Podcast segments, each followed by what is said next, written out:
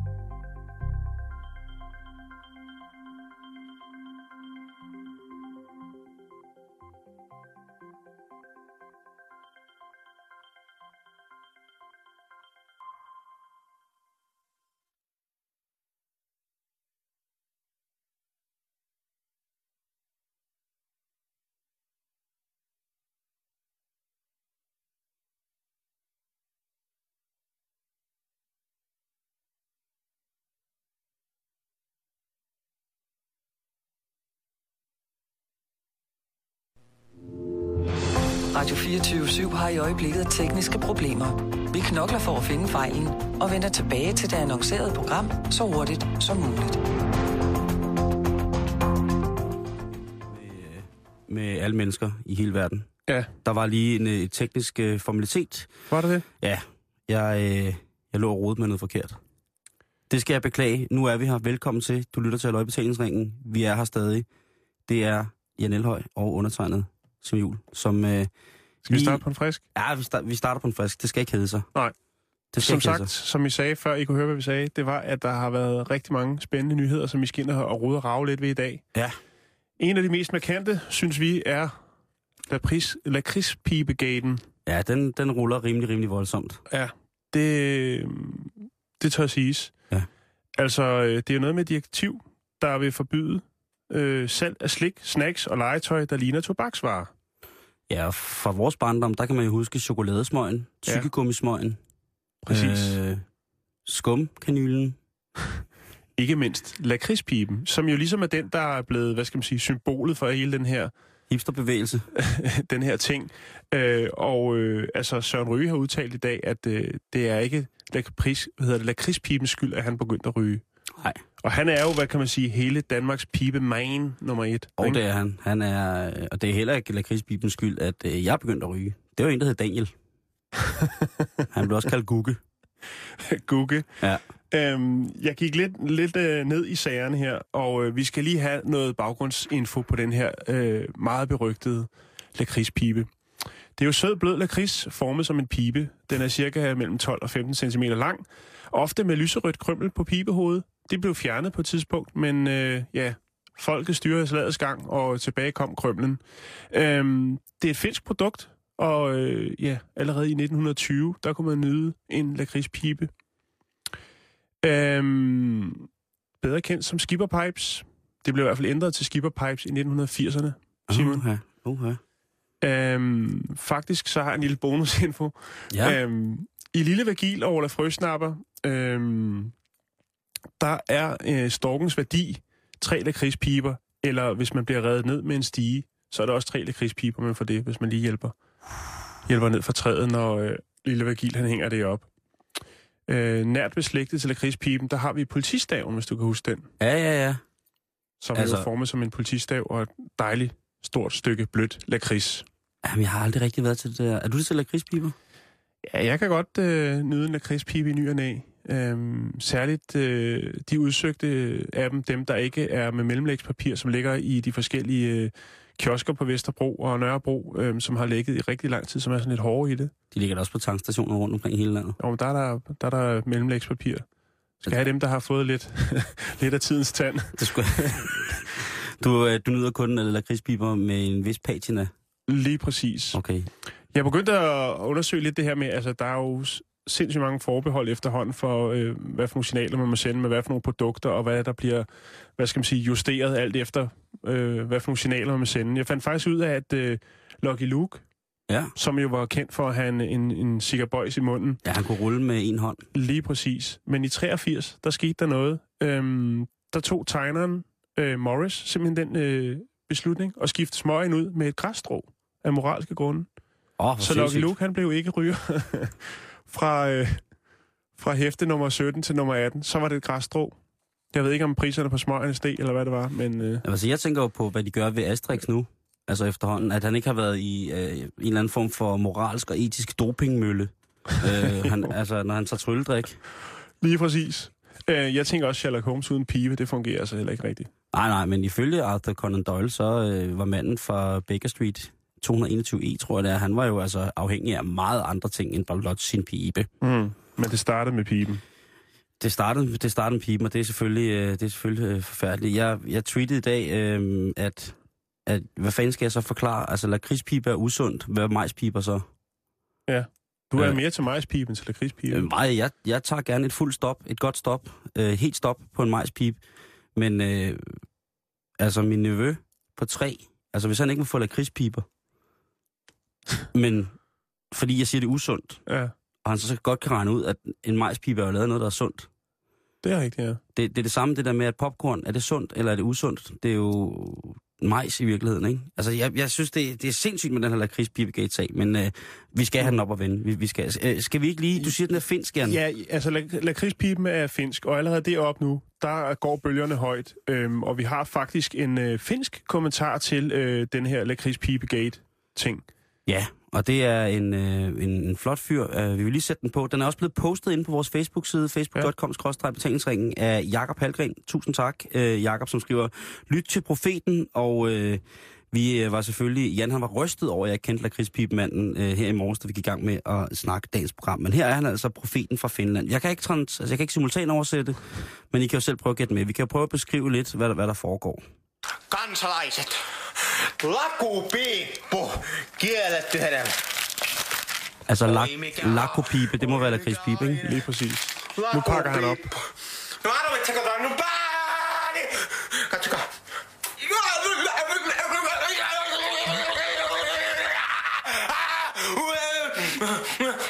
Nyt ymmärrätkö, miksi lakupiippu pitää kielletty? Han kan ret godt lide lakridspiben, ikke? Se oli pojat piippu. Näkemisiin. Moi moi. Moi, moi. Så du kan godt høre, det kan godt gå hen og blive en rigtig stor sag, hvis øh, lakridspiben den bliver forbudt.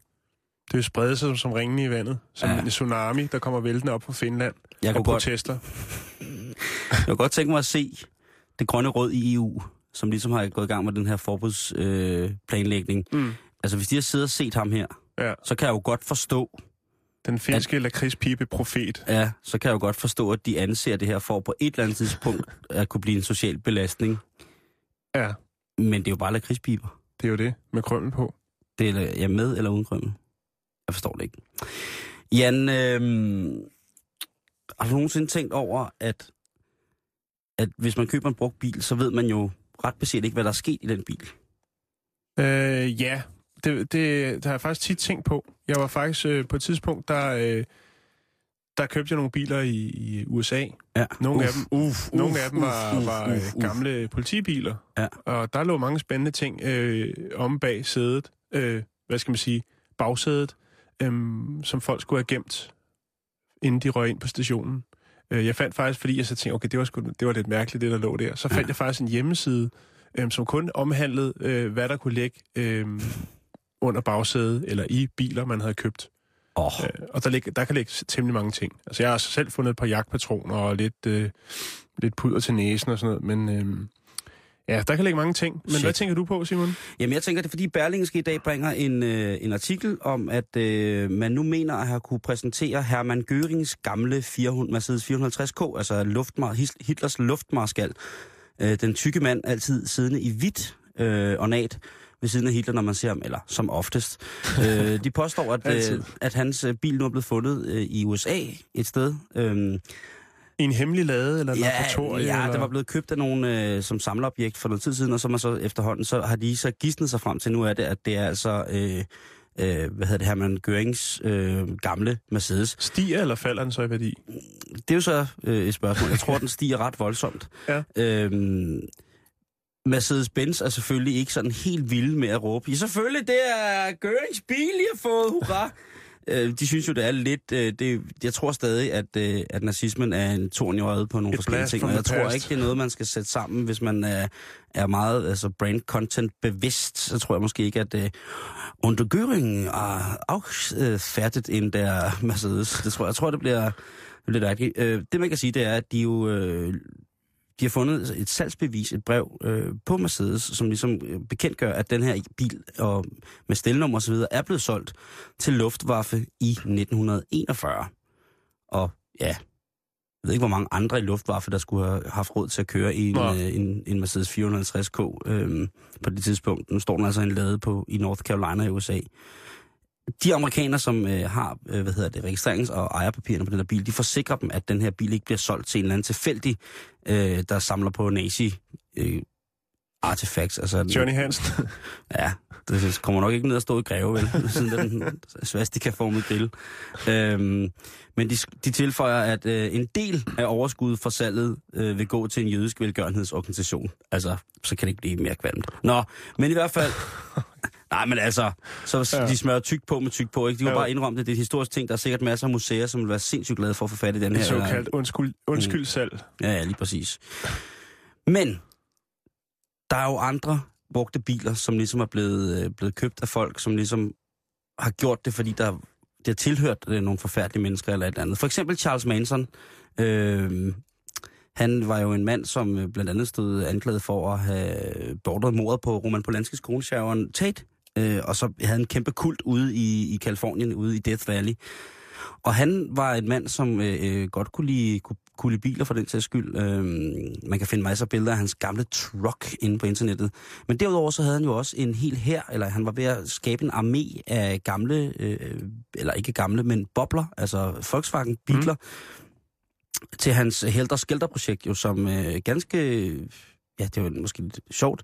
Helter Skelter-projektet, som ligesom var taget fra en Beatles-sang. Øh, han var ligesom klar på, at... Øh, det der med at blande raser og sådan noget, det var ikke så godt. Men han skulle i hvert fald også have nogle transportmidler, og der var de her buggies altså fantastiske til at bygge om til såkaldte dune buggies, eller klit køretøjer. Beach buggies. Ja, beach buggies også, ikke? Øh, de havde, øh, hvad hedder det, en øh, lille motor. Øh, Nogle af dem havde en Porsche-motor i USA, så han sendte sin kult folk ud og stjæle de her bu- buggies, med, hvad hedder det, med, med Porsche-motor i, så byggede de dem om øh, til den her øh, lille øh, det her boble, øh, mærkelige boble-imperium øh, af, af dune buggies, og det var egentlig, de, de skulle ligesom have den her armé af biler, som skulle kunne øh, fragte hans familie, som han kaldte sine kultmedlemmer, øh, fra øh, Span, Ron, øh, Span Range i Death Valley, øh, op i øh, Santa Susana-bjergene, som ligger også ud bagved der, og så videre eventuelt hen over øh, Mojave-ørkenen. Og øh, nogle af de biler, de blev også blevet fundet og sat til salg og blevet købt af private mennesker, og ingen rigtig ved ikke rigtig, hvor at de er forsvundet hen, men ifølge en auktionsside på øh, en amerikansk auktionsside, så er der i hvert fald blevet solgt minimum to af dem. Og de fremgår også i en bog, øh, som er skrevet af Ed Sanders, som hedder The Family, The Story of Charles Mansons Dune Buggy Attack Battalion. øhm, den kan man finde på Amazon, og jeg tror, det er en bog, jeg skal have fat i, for den, øh, den, er, den er rimelig vild. Titlen lyder i hvert fald fantastisk. Så hvis man, hvis man skal ud og købe en, øh, en, en Dune Buggy, så skal man måske lige tjekke, at, øh, at der ikke står Manson i. Der er, Den, den sidste var indregistreret hos. Ja, lige præcis. Øh, manden, som hedder John Wayne Gacy, jeg ved ikke, om du, det navn ringer nogen, men han var i hvert fald også en mand, som, øh, som voldtog og dræbte øh, 33 øh, teenage-drenge. Øh, hvad hedder det? Øh, og han begravede dem på en mest modbydelige måde, øh, hvad hedder det, øh, under sit eget hjem, med mange af dem. Øh, han havde en, øh, en 1979 Oldsmobile Delta for 88. Jan, det er dig, der kender til amerikanerbiler. Mm, øhm, og han, øh, han præsterede inden, altså imens han sad fængslet, så præsterede han at få solgt sin bil til en af naboerne, der hvor han havde boet og gravet lige ned under, til Mm. en af de naboer, der boede ved sine af hans venner. Så han fik lige lidt ind på kontoen, inden han, øh, han, blev, øh, han blev hvad hedder det, henrettet i 1994. Hans sidste ord, det var kiss my ass. ja. Så er der et gein. Uh, et gein, det er jo altså en mand, som øh, hvis man har set øh, filmene Psycho, eller øh, hvad hedder det, Silence of the Lambs, øh, Anthony, øh, Anthony Hopkins, Anthony Hopkins, Øhm, så er det altså, at øh, Ed Gein, han var øh, inspiration for blandt andet øh, Buffalo Bill i, i mm. Silence of the Lambs. Kan du huske ham? Mm-hmm. Det var ham, der slog kvinder ihjel, skar deres hud af og gik med deres hud. Ja. Han var en mand, som øh, kørte en, øh, en klassiker, vil jeg sige, en øh, 1949 Ford Sedan. Det har været sådan en, øh, de, dem bygger man om til hot rods og sådan nogle ting. Altså, den øh, kørte han rundt i, og, øh, og lige så stille samlede damer op, som han så, øh, ja, det, det var ikke så godt vel. Nej. Øhm, bilen blev solgt, ikke til et kriminalteknisk museum, ikke til øh, en, øh, en udstilling om onde mennesker eller øh, nogle andre ting. Den blev som solgt til en, øh, en hvad hedder det, en, øh, en kirke, en, en menighed, øh, tre kilometer fra, hvor han selv boede. Okay, Den ville de gerne have. den kunne de lige bruge. Øhm, og så har jeg tjekket lidt op på, hvad, hvad det er, at, at øh, altså, om der er en gennemgående bilmodel eller et mærke, som øh, onde mennesker er fuldstændig vilde med. Og jeg kommer altså frem til, at langt de, øh, nu har jeg t- testet 13, eller læst om 13 Mm. mm. øh, forhold, at øh, boblen, altså Beatlen, den gamle Beatle-boble, Ja. Det er en af dem, en af de biltyper, som er blevet beskrevet allermest, eller som beskrevet som, at det har morder eller 20 eller ubehagelige mennesker på et eller andet tidspunkt i deres liv haft en boble igennem sig. Altså Mm. ikke på den måde. Øh, og derefter så kommer Ford Transit, For transit, okay. ja, kassevognen. Lige ind fra siden. Bum, ikke? Jeg har også øh, kigget lidt. øh, og jeg har fundet et øh, gennemgående træk, en model, eller et mærke, som mm-hmm. Mhm. hedder Porsche. Frederik Fetterlein, han havde to af dem, som han glemte at, at betale for, han havde leaset. Øh, Stein Bakker havde også en Porsche. Jeremy Seinfeld, han havde en Porsche fra 97, en øh, 993 Turbo S. Uh. Øh, og den bil, den blev solgt for lidt under 250.000 dollars. Som jo er væsentligt mere. Men folk er bare vilde, så længe der har siddet en, øh, en kendis og pillet næse i en... Øh, og hvad han ellers har lavet i sin Porsche øh, 993, jamen så ryger prisen op. Øh, Beckhams Porsche, den øh, blev solgt øh, for 130.000 dollars. Øhm, og så gik jeg lidt ind i lidt længere ind i det der med de der øh, ting, som har været med i film eller noget. Blandt Ja. andet øhm, øh, pianoet fra Casablanca, den der bliver spillet Times Go By på. Øh, den helt klassiske film, Nå. du ved, fra 42. Ja. Øhm, Humphrey Bogart. lige præcis. Øhm, på en auktion i 2012 blev det klaver, som den blev spillet på i filmen Casablanca, solgt for 600.000 dollars. Yes.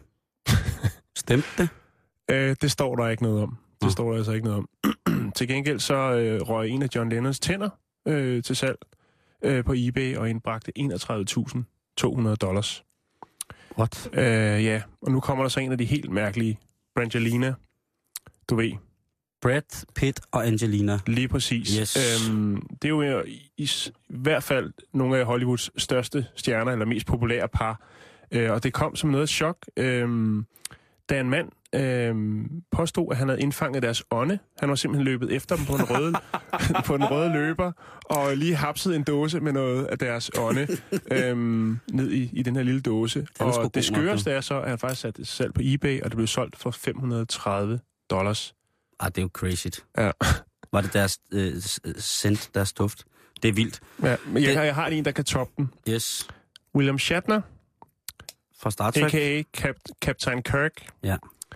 Øhm, ja, altså han øh, gik og døde lidt med noget nyere sten. Øhm, og i 2006, der røg den øh, til velgørenhed. Altså nyrestenen. Ja. Han, Kunne man øh, købe William Shatners... Yes, i 2006, øhm, der røg den til noget velgørenhed, øh, på Palace Casino, og øh, den indbragte 75.000 til velgørenhed. 75.000 dollars, Simon, for William Shatners nye sten. Det er måske lige i overkanten. Som det sidste på det her, så kan jeg fortælle jer, at øh, Ted Bundy, det er et meget fint navn, øh, ja, ja. massemorderen øh, med i hvert fald minimum 30 unge pigeliv på samvittigheden. Hans Beatle, hans boble, blev Ja. solgt på en auktion for en del år siden. Og der var det forsangeren Jonathan Davis fra pop-metal-bandet Korn, der fik fingrene i den. Så den ejer han nu, og den øh, står godt nok på et museum lige pt., men det er ham, der ejer den, og den er fuldt funktionsdygtig og kan stadig køre. Så ved man det. Så man skal altså lige huske at tjekke sine biler, øh, inden man køber en, øh, en ny brugtvogn. Især hvis det er en, en folkevognboble. Ja, det, det er en ældre model. Jan, øh, har du nogensinde reddet på en elefant? Øh, nej, det har jeg ikke. Jeg har prøvet hest og æsel, og øh, i mine mange, øh, meget unge år øh, også et ufrivilligt får. Det er fordi, at nede i Holland, eller Nederlands, der er den, øh, der er den, der er den skulle stå rimelig meget af, synes jeg. Det er en øh, række hollandske rejsebureauer, som øh, på opfordring fra World Society of the Protection of the Animals, eller WSPA, har besluttet, at de ikke længere vil tilbyde elefantshows eller rideture med elefanter på deres rejser. Det er slut. Mm. Thailand, Indien, hvis de skal derned med et, et, et øh, rejseselskab fra Holland, så kan du godt øh, forvente, at det skal du sætte ned. Du, det kan du ikke få. Der bliver ingen uh, tur igennem junglen på Ikke. elefantryg. overhovedet på nogen måde. Samtidig så øh, WSPA, øh, lige så gode de vil være ved dyrene, lige så aggressive er de over for andre mennesker, når de står på gader og stræder, og nærmest tror en med en spids kuglepen til at skulle skrive under på, at, øh, at bjørnefodspor i Alaska skal bevares vinteren over, selvom det sneer utrolig meget. Øhm, de har opfordret også de danske rejsebyråer til at lade sig inspirere af de hollandske kollegaer og siger, at det, det stopper nu. Der er 20.000 hollændere, vrede, vrede hollændere, som har skrevet under på, at de aldrig nogensinde vil lade sig underholde af elefanter i fangenskab. Eller dyr i fangenskab, for den sags skyld. Der, der er jo, når man har rejst sydpå, øh, både i Europa og... Jeg ved ikke, om det er i, Sønderjylland. Det ved jeg ikke, det har jeg aldrig set. Men, men sønden for, hvor vi er, øh, hvor, hvor at den danske grænse stopper, der er der åbenbart en rigtig sur tendens til at på en eller anden måde misbruge dyr og dope dem. Altså mm. sådan, så de, øh, for eksempel aber, de er jo, det er jo vilde dyr, og, eller øjler har man også set nogle gange, som så øh, desværre bliver udsat for et eller andet helt øh, åndssvagt medicament, sådan, så de slapper, slapper fuldstændig af. Hvad er det, Simon? Om det var bare, fordi du sad og kiggede ud af vinduet, så jeg tænkte, at det kunne være, at der var ved at ske et eller andet sindssygt. Nej, overhovedet ikke. Nå, okay. Øh, jeg blev helt bange. Jeg så billeder i mit hoved. Nå, det var bare, Ja, det, det, du det, fortalte. jeg kiggede ud, og så var der et flammehav. Dog ikke. Nå, men det, man må ikke, øh, hvad hedder det, ifølge hollænderne gøre det her øh, på, på, på nogen som helst måde. Og jeg tænker, hvad er der egentlig af regler for sådan noget i Danmark? Mm. Øhm, og, øh, og derfor så har jeg øh, fået fat i, øh, i Bengt Holst, som vi lige skal ringe op nu. Og skal mm. vi se, om det, det virker her. Det er første gang, vi skal prøve det. Det kan godt gå hen og, øh, godt gå hen og blive rigtig spændende, det her. Har du prøvet at ride på en elefant, Simon? Ja, det har jeg. Hvorhen? I Indien og i Thailand. Så nu se, om Bengt er der. Jeg prøvede i, øh, jeg prøvede i Indien. Er det Thailand. Hej Bengt, det er Simon Jul. Ja, goddags. Hej. Og øh, undskyld, vi lige forstyrrer dig. Ja, du er velkommen. Vi er i gang med den her snak om de her elefanter, ikke? Ja. Og øh, det er jo som sagt 20.000 vrede, vrede hollænder, der har sagt, at man ikke må ride på elefanter, og det har gjort, at øh, rejsebyråerne nu stopper med at, øh, at, at lave arrangerede rejser, hvor man kan komme ud og ride på elefanter. Hvor ja. synd er det for de her elefanter i virkeligheden? Altså, man skal, jeg skal måske lige øh, starte med at sige, at du jo er øh, videnskabsdirektør, hedder det det? Er videnskabelig direktør. I Zoologisk Have, og så er du også øh, øh, formand i Dyretisk Råd. Ja, det er rigtigt. Lige præcis. Men, men jeg vil lige sige, man skal huske på, at det er jo en kultur. Altså, vi, vi er inde på en kultur i Thailand, for eksempel, hvor det er mest udbredt. Ja. Øh, ved det at ride på elefanter. Elefanter har været brugt som arbejdsdyr gennem mange, mange, mange år, gennem mange hundrede år. Øh, og øh, der er i princippet ikke noget galt i, at man rider på elefanter eller har tæmmet elefanterne. Det kan man sagtens gøre på ordentlig vis. Der, hvor der kan opstå et problem, det er selvfølgelig der, hvor man gør det på ekstrem vis, det vil sige, hvor det går hvor man øh, ikke er, altså hvor man glemmer dyrenes velfærd ved samme lejlighed, eller hvor man begynder at lade dem spille øh, fodbold og, og lave ting, som i den grad degraderer dem som elefant. Der synes jeg, man har et problem, hvert fald, man Mm. bliver nødt til at tage stilling til. Men det samme gør man jo altså med, med andre dyr i forskellige andre dele af verden. Det skal man også lige huske på. Ja, jeg skulle da lige... Og det, Delfiner, for eksempel. Ja, det gør man, og man gør det, altså, man gør det også med aber mange steder, hvor man går rundt med dem i, øh, øh i halsbånd, og man har de der traditionelle øh, strandaberne fra den, den spanske kyst, som heldigvis ikke er så meget af, men man stadig ser af og til, øh, hvor man kan blive fotograferet sammen med en abe og sådan noget, hvor man øh, behandler dem på en måde, så man kan få dem op til mennesker. Og hvis man virkelig skulle gøre alvor ud af den protest, der, har været i, der er i Holland her, ja, så er der mange steder, man skulle lade være med at rejse til, fordi man har den slags med dyrene. Men nu er elefanterne jo meget op i tiden, så det er nok lige så meget af det. der tæller. Det er et modeetisk fænomen måske.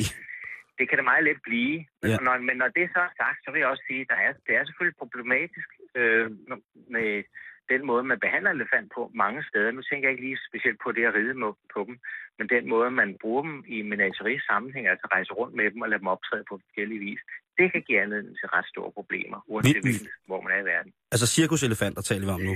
For eksempel, ja. Ja. Fordi hvis man rejser meget rundt med dem, en ting er, at de så flytter fra dag til dag, eller måske to dage et sted og sådan noget der.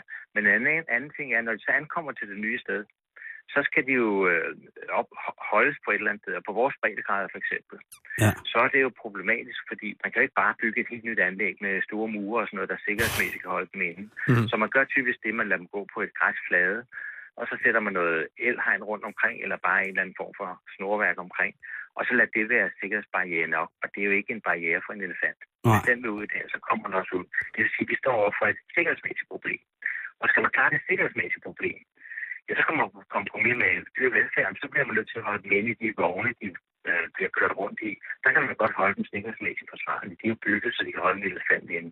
Ja. Men det kan man selvfølgelig ikke tillade velfærdsmæssigt, fordi de kan ikke holde sig på så få kvadratmeter 24 timer i døgnet. Ville bortset fra synd. lige, når de er ude optræde. Så der er problemer med det at rejse rundt med, i det her tilfælde elefanter, men det gælder også mange andre dyr, man kan rejse rundt med hele tiden. Altså kan alle bare købe en elefant og, og have den? Altså hvis man nu vil lave elefantture i Holstebro for eksempel. Se Holstebro for elefant. Nej, det, det, det kan man ikke. Altså for det første kan man opfylde specielle ting, betingelser for overhovedet at have dem. Jeg tror, det er det færreste, der overhovedet kan huse en elefant. Og for det andet øh, kan man ikke få lov at optræde med der principielt er det forbudt at optræde med eksotiske dyr herhjemme, ifølge dyrlandsloven. Ja. Men øh, der er så forskellige dyr, hvor man kan få tilladelse til at gøre det, hvis man ellers opfylder mange forskellige betingelser. Øh, og så kan man få dispensation i særlige tilfælde. Men det får man ikke med elefanter. Når man kommer ud og øh, skal på rejse for eksempel, og gerne vil prøve at ride på en elefant, hvis man for eksempel er et naturligt sted, er der noget, man skal være bestemt opmærksom, man skal kigge på et eller andet ting, øh, så man kan fornemme, at det her er en god elefantridetur, øh, også for elefanten, eller er det noget værre magtværk, det her? Skal nok for det første kan man se lidt på de, omgivelser, på de øh, forhold, elefanten går under. Hvad er det for noget? Er det som en del af en cirkusforestilling? Mm. Mm. Jeg vil sætte meget stort spørgsmålstegn ved. Ikke nødvendigvis velfærdsmæssigt, men der vil hen i rent etikken omkring den måde, elefanten øh, holdes på, og den Ja. måde, man, det man gør elefanten til. Så hvis man gør den til en ren klovn, så synes jeg, man skal und- undgå det. Mm. En anden ting, man kan jo kigge på selve dyret, altså kigge på elefanten og se, om den ser frisk og og øh, ja, frisk og velernæret ud, eller om det er sådan en forhudlet elefant, eller om den måske endda har, har sår efter, at man har, man har slået den med huggen, eller noget af den stil. Og det er klart, hvis det er sådan, hvis det er sådan man, man, man arbejder med elefanterne, så skal man ikke belønne dem, der har elefanterne på den måde, fordi der er ingen tvivl om, det bliver en, en det er det en pengemaskine for nogen at bruge elefanterne i, Ja. ja. i større turistområder. Øh, og det er ikke altid elefanternes bedste. Og det skal vi, øh, det skal vi huske på, Bengt. Øh, tusind tak, fordi du lige ville være med og give os øh, en, en, en mand med forstand på det øh, mening om den her elefantkrise på rejsebyråerne, der er jo startet i Holland. Velkommen. Tak for det. God dag. Jeg vil kontakte lige måde. Hej. Okay, så man skal altså kigge på elefanten først og fremmest. Har den det godt? Er det en glad Ja. elefant? Ja, har den en god dag på arbejde? Er den, er det, har den, altså, den må ikke have sov, men hvem fanden sætter sig op på et dyr med sov? Ja, det kommer jo an på, hvad det er, tænker jeg. Jeg tænker på, hvilke dyr kan man ellers ride på, Jan? Tænker du? Uh, Jeg har lige skrevet nogle strus? her. Ja, strus, Mm. lama, kamel. Giraf, måske? Det har jeg aldrig set. det må man vel kunne. Øh, heste, køer, får, elefanter, vandbøfler, zebra, rensdyr, Elge? elge, hjort.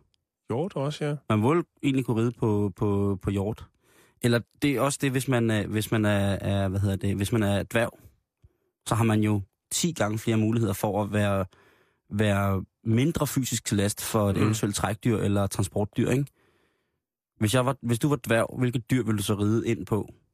Mm. Hvilket majestætisk væsen vil du præsentere dig selv på, hvis du var dværg? Jeg tænker kongepudel. Er de så store? Er Pudler ikke sådan nogle bitte små... Nej, ikke kongepudler, ikke? Nå, nej, de, det er de der høje nogen. Åh, oh, dig som dværg på store. kongepudel. Tænker jeg. Det er Det er også... ikke noget opsigt. Det er måske ikke så maskulint. Nej, men majestætisk. Ja, det, det, jo, jo, det, det er selvfølgelig rigtigt. Hvad jeg var, øh, jamen, jeg er ude i enten en ulv eller en okapi. Ulv ville også være stort, ikke? Ja, en stor, stor stykke ulv, vil Ja. jeg komme ridende på. For, hvis du forestiller mig som dværg i sort rustning, Game of Thrones-agtigt, så er det mig, der kommer ridende ind på en ulv. Altså, det kunne sagtens lade sig gøre, hvis du boede på Schackenborg. Der er ulve dernede i området. Så må ikke er Jokke, han, han pynser på noget. Han er, han er ude at rulle. Øhm, det kunne godt være. Det kunne også godt være, at vi trængte til et stykke dejlig musik, Jan. Hvad har du øh, fundet frem? Jamen, øh, jeg kan jo godt lide, øh, at man får noget ud af, af musikken på, på mange forskellige måder. Mm. Eller det ved musik, der er så smukt, er, at man kan få noget ud af det på mange forskellige måder. Og jeg har fundet min gode gamle plade frem, hed, øh, som hedder 20 Aerobic Country Hits. Og det er Oh. en øh, komplet aerobic exercise, eller et komplet øvelsesprogram med aerobic til kendte klassiske country-sange. Det har jeg aldrig hørt om før. Det lyder spændende. Og det er, er, det noget, vi øh, skal med- eksekvere her i studiet så samtidig? Ja, det kunne du gøre. Det er ret hårdt. Så Okay. ikke, øh, hvis vi skal have en chance for at kunne tale resten af Kræver programmet. så- pandebånd? eller? Jeg vil sige, ja, enten pandebånd eller ankelvarmer. Øh, men det er altså frække, frække, frække Dorian Damer, som... Øh, Dorian Damer hedder faktisk.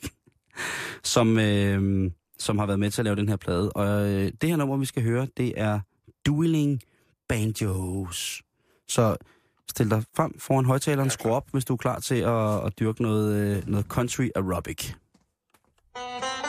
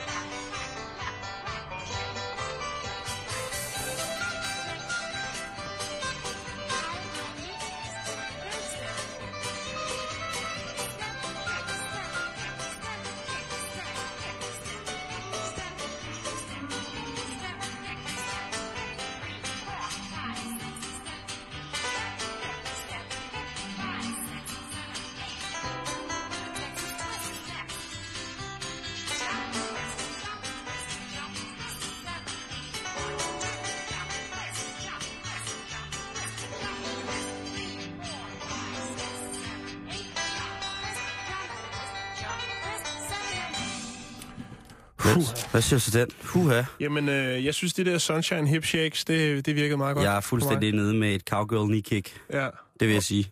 og altid slutte af med Texas Twist. Altid en Texas Twist til sidst. Det er, øh, det er vores, øh, hvad hedder det, øh, vores bud på en generel folkesundhedsændring. Det er at spille øh, musik fra Dorian Damers 20 Aerobic Country Hits. Så vil jeg det. Ja. Der, der er sgu altid dejligt sydstaten i USA, Jan. Ja, det er der. Og, Det er der fandme, du. Det er også dernede omkring, at kongen han kom fra. The one and only. Elvis Aaron Presley. Fuldstændig, ja. Elvis Aaron Presley, ja. Mm-hmm. Uff, ja. Ej, det kunne vi...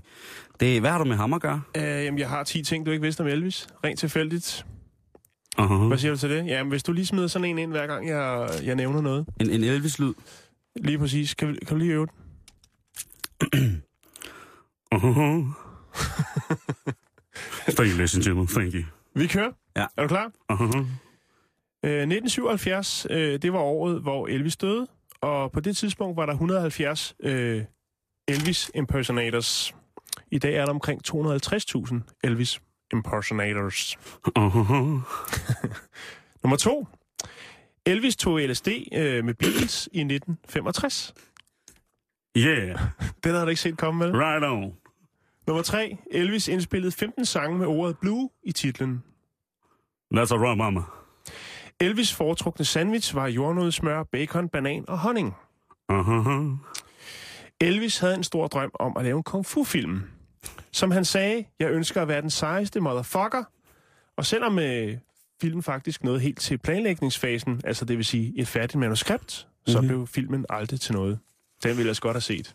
Ja, Elvis, øh, men altså, han lavede jo karate moves. Jeg kan da huske, der er Det en... kommer vi til nu. Okay, okay. For det er nummer 6. Aha, Elvis havde det sorte bælte øhm, i karate, og øh, da han kom i øh, militæret, der blev han introduceret for andre kampsporte, øh, martial arts. Øh, han blev også introduceret for amfetamin, da han var i militæret.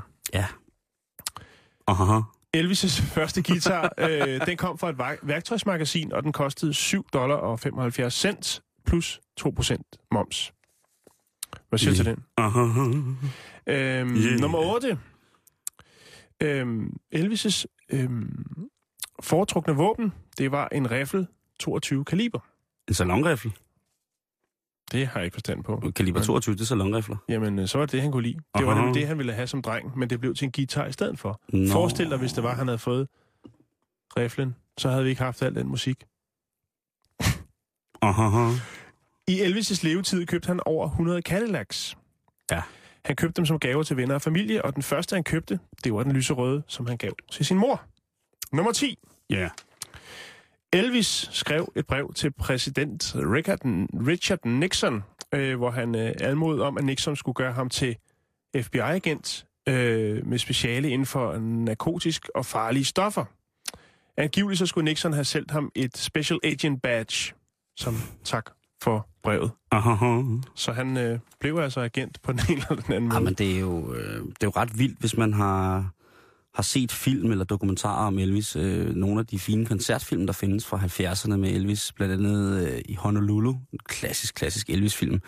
Der laver han jo altså karate moves, og det ser mm. jo altså...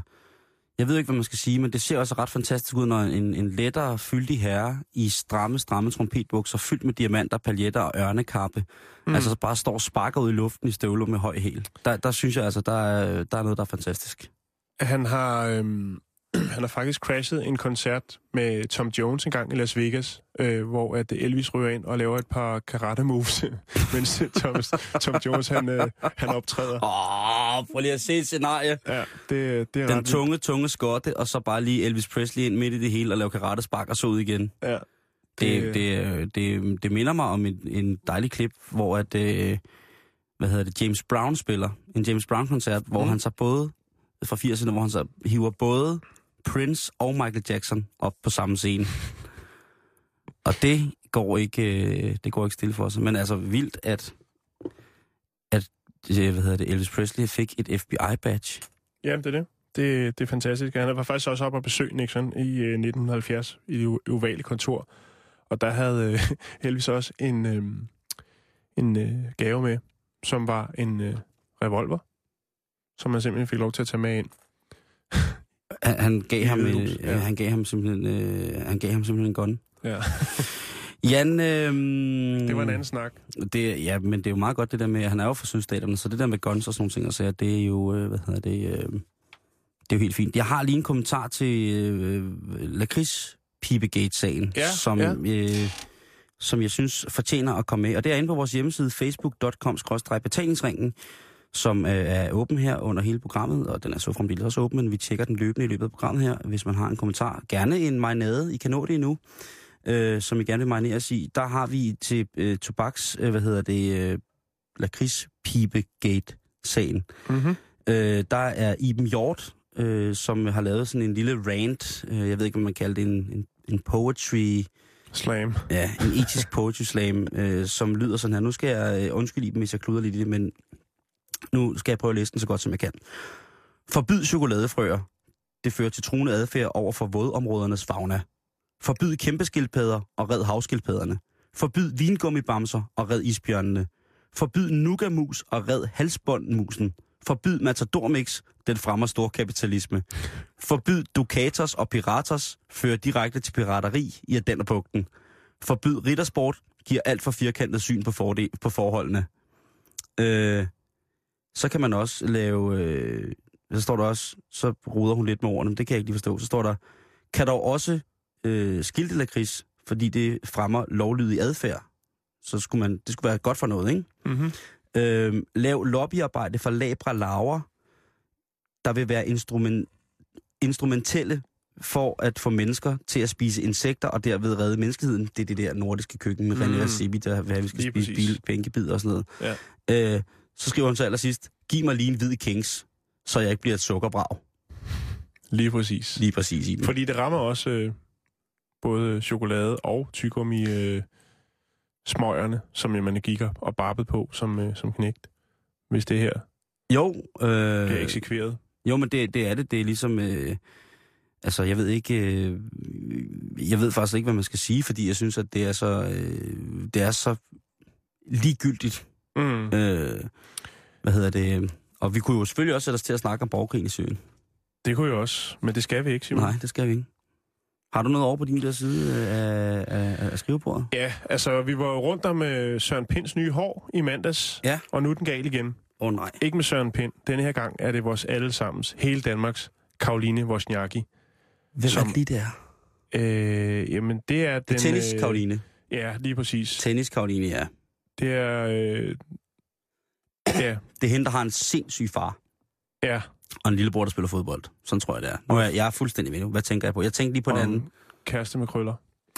Ja, øhm, som, spiller, som spiller golf. Lige præcis. Roy Jamen, McIlroy. øh, nu skal du høre, Simon. Hvad er der sket? Hvad er der sket Jamen, med Karoline? øh, vores er hun okay? Karoline, hun er fin nok. Okay. Øhm, men øh, vores allesammens Karoline, øh, hun har lige været til US Open.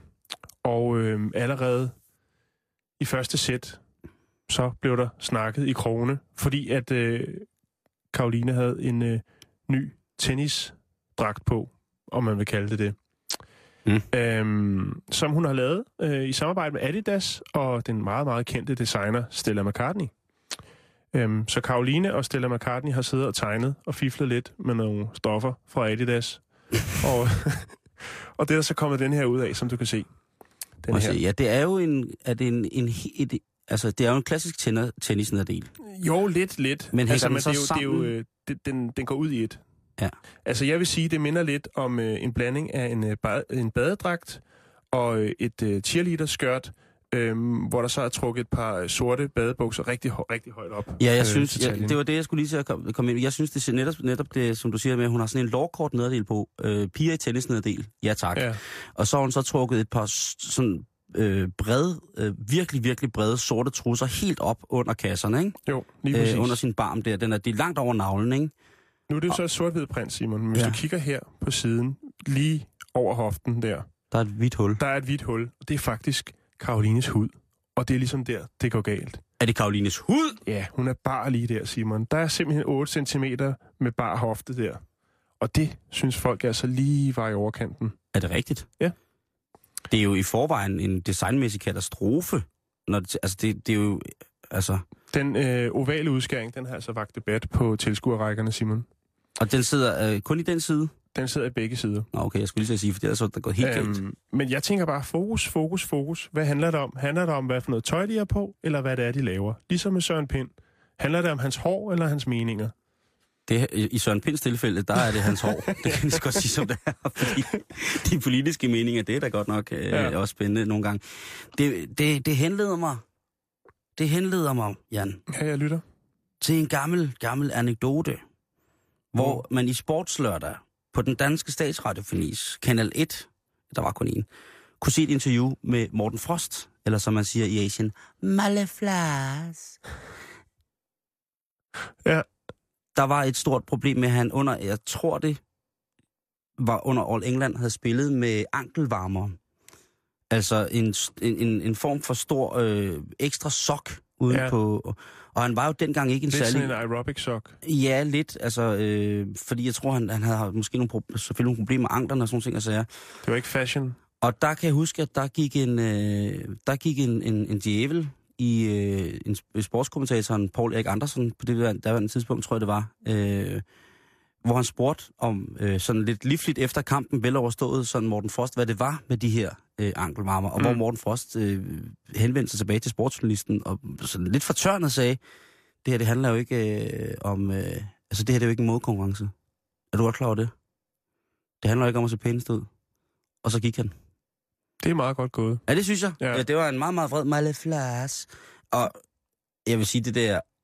Øh, 8 cm bar hud. Hvad... Ja, ovalt hul, 8 cm. Ja, og hvor højt er det? Altså, jeg, jeg synes jo, det... det i, I mine øjne, der, er, altså, der synes jeg jo som sagt, det der med, med, med øh, tennisnederdelen, eller, eller Jan. Ja. Korte badminton shorts til piger. Mm. Det kan altså også tit være ret inciterende. Hot pants. Nej, ikke hot pines, men, men mere, mere den øh, korte, klassiske øh, tennis øh, badminton short. Virkelig, virkelig lækkert. Helt forkert til mænd, men utrolig tillokkende, mm. hvis, hvis lejligheden byder sig på et par solbrune øh, dameben. Og så er der sikkert Mm. også nogle piger, der synes, at det er pisfedt med mænd i dem der. Det, Mm. men den der kjole der, som hun har fået designet, det synes jeg stadig, det, det er gået helt, øh, det er gået helt balalaika i forvejen, så jeg kan ikke forstå, hvorfor de ikke brokker sig over, at man skal se på det der, i stedet for ligesom, at der er et, øh, øh, et jeg vil kalde det et åndehul, fordi det, det er det, der ligesom gør det åndbart at se på, øh, hvordan hun ser ud. Mm. Øhm, ja, men altså, jeg har ikke, der er ikke så meget andet at sige til det, end at øh, altså, det kan jo være, at øh, det, det bliver det nye. Badedragt uden på øh, tennis. Nå, men- der. altså badedragt, øh, svømmepigerne, de er jo meget på det der med enten badedragt, gammel badedragt, eller så de der heldragter, som ligesom skulle gøre noget for, for vandmodstanden. Ja, Sten Hansen ville nok have sagt vekselvirkningen, ikke? Jo. Øh, når man ryger ned under, ryger ned under vandet. Øh, og jeg synes ikke, øh, jeg synes Karoline er en flot pige. Det jeg synes jeg også. Jeg synes ikke, hun behøver... Øh, Fashion. nej, jeg synes ikke, at hun... Øh, jeg er sikker på, at Karoline, hun er lige så, øh, hvis ikke mere, charmerende i øh, en slidt gamache On wife beater. og en wife beater. Jeg tænker bare, det kan jo også være fristende at sige ja, ikke? Når Stella McCartney lige ringer op og siger, prøv at vi skal arbejde sammen. Det bliver kanon. Jeg har noget på papiret her, du skal se. Ja, fordi hun er hotshot, Stella McCartney. Mm. Paul McCartneys datter. Det er godt, hun kan tjene nogle penge, ikke? Når faren nu bliver ribbet af en enbenet skør dame. Sådan en sørøver, sørøver, der halter ind på, på hvad hedder det? Simon, Simon, tak. På, undskyld. Hey, skat! Skat! Ja? Hvad skal du marineres i? Så er vi kommet til det, Jan. Ja, vi er kommet til øh, marinaderne. Men først, så, øh, så skal jeg lige, hvad hedder det, øh, have fat i øh, nogle af dem, som har skrevet ind, hvad de gerne vil øh, marineres i. Ja. Og øh, her, der er det altså Søren Mil Knudsen, som skriver ind. Jeg vil gerne marineres i en mandestor amfer, fyldt med mellemgroft grus, toppet af op med purt guld til kanten. Lidt tør marinering. Yes, så er der en her, der skriver fiskesovs og mirin med fint klippet koriander og kinesisk purløg og ultra fint snittet sød peber. Shake it og spice up your rice. Og det var faktisk også Iben, der skrev det. Hun er en trofast øh, skriver hen. Det synes. Den Så er der en, der, god, en, der skriver her med alt med bacon. Alt med bacon. Det er jo egentlig også rigtigt. Ja, Det bare marineres i bacon. det, øh, Men har du, øh, Jan, til dagens program øh, fundet en, øh, en, hvad hedder det, en, øh, Ja, en god marinade? Jeg har lavet mig en god marinade. Øh, måske verdens dyreste. Øhm, Okay, Den har et meget simpelt navn. Den hedder bare 1788. okay. Vil du have den nu, eller har du noget øh, at byde Nej, op med? nej, nej, nej, nej, nej, nej. Jeg, øh... Altså, det er jo virkelig en, en, en fejnsmækker marinade, som du skal marineres i i dag, Simon. Okay. Vil du høre? Ja.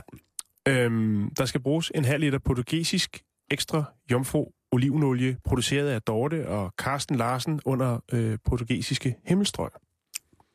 Oh. Fordi at øh, Dorte og Carsten, de øh, har nemlig en øh, olivenplantage i Portugal. Men det er en anden snak. Oh. Så skal der bruges 10 x 10 cm let krydret og en anelse pikant brøndkarse, øh, som er privat avlet fra Nødebo Præstegård. så, øh, så skal der bruges 250 gram hakket pinjekerner, BKS, eller bedre kendt som pestoens tredje element. Det er til, vej, til vejebragt af langtidschaufføren Allan K., direkte fra en spansk middelhavsby, øh, med et utroligt svært navn at udtale. Øh, man kan selvfølgelig også vælge, hvis man ikke har den slags forbindelser, at bruge øh, kinesiske pinjekerner, øh, men man skal bare være opmærksom på, bruger man de kinesiske pinjekerner, kan man blive ramt af det fænomen, der hedder pinjemund, som gør, at man mister smagssansen midlertidigt. Så det er ikke at anbefale. Pinjemund. Ja, og pinjemund. Ja. Det, det er et ret vild, en ret vild ting. Det er noget med nogle, øh, nogle kopipinjekerner, som øh, har sådan lidt en metallisk smag, og øh, faktisk kan gøre, at du mister øh, smagssansen. Jeg har faktisk en god ven, som øh, var ude for det, hvor han røg til lægen. Ej, hvor sindssygt. Ja. Men øh, det er en anden snak. Ja, det er en anden snak. Nu sidder du og tænker, hvor bliver det her 1788 af? Ja. 1788, det handler om en cognac, som skal i marinaden. Oh, ja. Øhm, den hedder Enclos de Griffier Viervioux, tror jeg, den hedder. den er fra 1887, øh, og den stammer altså helt tilbage fra før øh, den franske revolution. Ja. Øhm, Er så tænker du, hvor får jeg fat i sådan en? ja det, jeg tænker også... Det er i mig væk en flaske til 470.000 kroner. Men nu skal du høre, Simon, jeg har forbindelser. Flasken røg nemlig på gulvet øh, på den til tider velansete The Playboy Club i London, hvor to stamkunder øh, fik skænket et glas hver til den nette sum af 47.000 kroner. Øh, før flasken øh, hilste på tyngdekraften, så øh, havde jeg en øh, god nær ven, som arbejdede som tjener der, og han skyndte sig lige at løbe hen med en frisk klud og lige tør gulvet af for den her dyre cognac. Og det er altså blevet til 75 ml af den dyre cognac efter en opfredning. Åh, oh, så du har den selvfølgelig. Så jeg har lige en lille opfredning for den klud. Øhm, og det var simpelthen øh, min Marinar øh, 1788 uden pinjemund. Jeg, jeg, jeg synes, øh, det tager om sig, de her marinader. I går var vi jo ude i øh, seks flasker pingosvin øh, og, og et kilo trøfler, og det bliver vildere og vildere. Jo, men det skal, det skal jo være. Altså, Ja, jeg kan godt, se, jeg kan godt sige, at, at, at, at min, øh, min marinade i dag, er, s- altså til dig, den du skal marineres i, den er slet ikke så omkostningsrig. Okay, Og, øh, nu var det her jo så også verdens dyreste marinade. Ja, det tror Men det er jo ikke prisen, det kommer an på, Simon. Hvad har du til mig? Ja. Men altså, vi skal starte med at finde en god stor stenmorter frem. Ja. Og i den, der skal vi have noget frisk vild timian fra det gode område Caltanissetta på Sicilien. Mm. Det er et øh, sted inde midt i landet, hvor der er en lille robust, altså timianen står som en lille robust vækst med eksplosioner af smagsnuancer. Og så skal vi have, også fra Sicilien, de små mørke hvidløg fra Ragusa, øh, provinsen. Øh, og det er altså en hvidløgssmag, som også er sådan helt, øh, helt koncentreret, og ikke peberstærk, som vi kender den, men sådan blød og lidt, lidt mere fyldig. Lidt ligesom når man, når man koger meget af det stærke hvidløg væk, hvis man får et helt bagt hvidløg. Kommer de helt friske med den smag nærmest. Mm. Det lyder godt. Så skal der øh, saften fra to hele yuzu-frugter fra den kinesiske kejserhave i Hangzhou i Kina i. Det er to små, simple frugter, der skal i. Ja. Og så skal der være lidt hjemmelavet hybens øh, sirup fra Bente og Jakob. Cirka øh, fire spiseskefulde af den, ned den marinade. Og Bente så, og Jakob? ja, ikke Bente Jakob. Nej, Bente og Jakob. Bente og Jakobs hybens sirup. Okay, hvor laver de den hen? Jamen, den laver det op i Nordjylland. Mm. Ja, den er nemlig rigtig, rigtig god. Og øh, det hele, det skal så røres sammen. Ikke så meget marinade som, hvad hedder det, øh, som, hvad hedder det, som, som din sådan flydende. Det er, det er igen en rub, vi skal ind i. Så, Ja, så en jeg, scrub.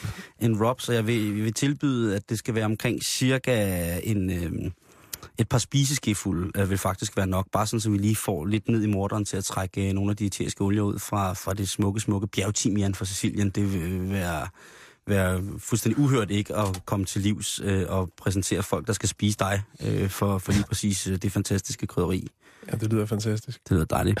Husk, at du kan skrive, hvad du vil marineres i, øh, ind til os på øh, facebook.com betalingsringen, øh, og så vil vi øh, selvfølgelig, hvis det er en god nok marinade, øh, dem der bare skriver lort, lort, lort, om det så er til programmet, eller om det er, det, det er en øh, dum marinade, øh, får lov til den. Du Den er ikke- fortjener resten af dit liv at skulle spise landgangsbrød, som starter i den søde ende, så kan du selv regne resten ud.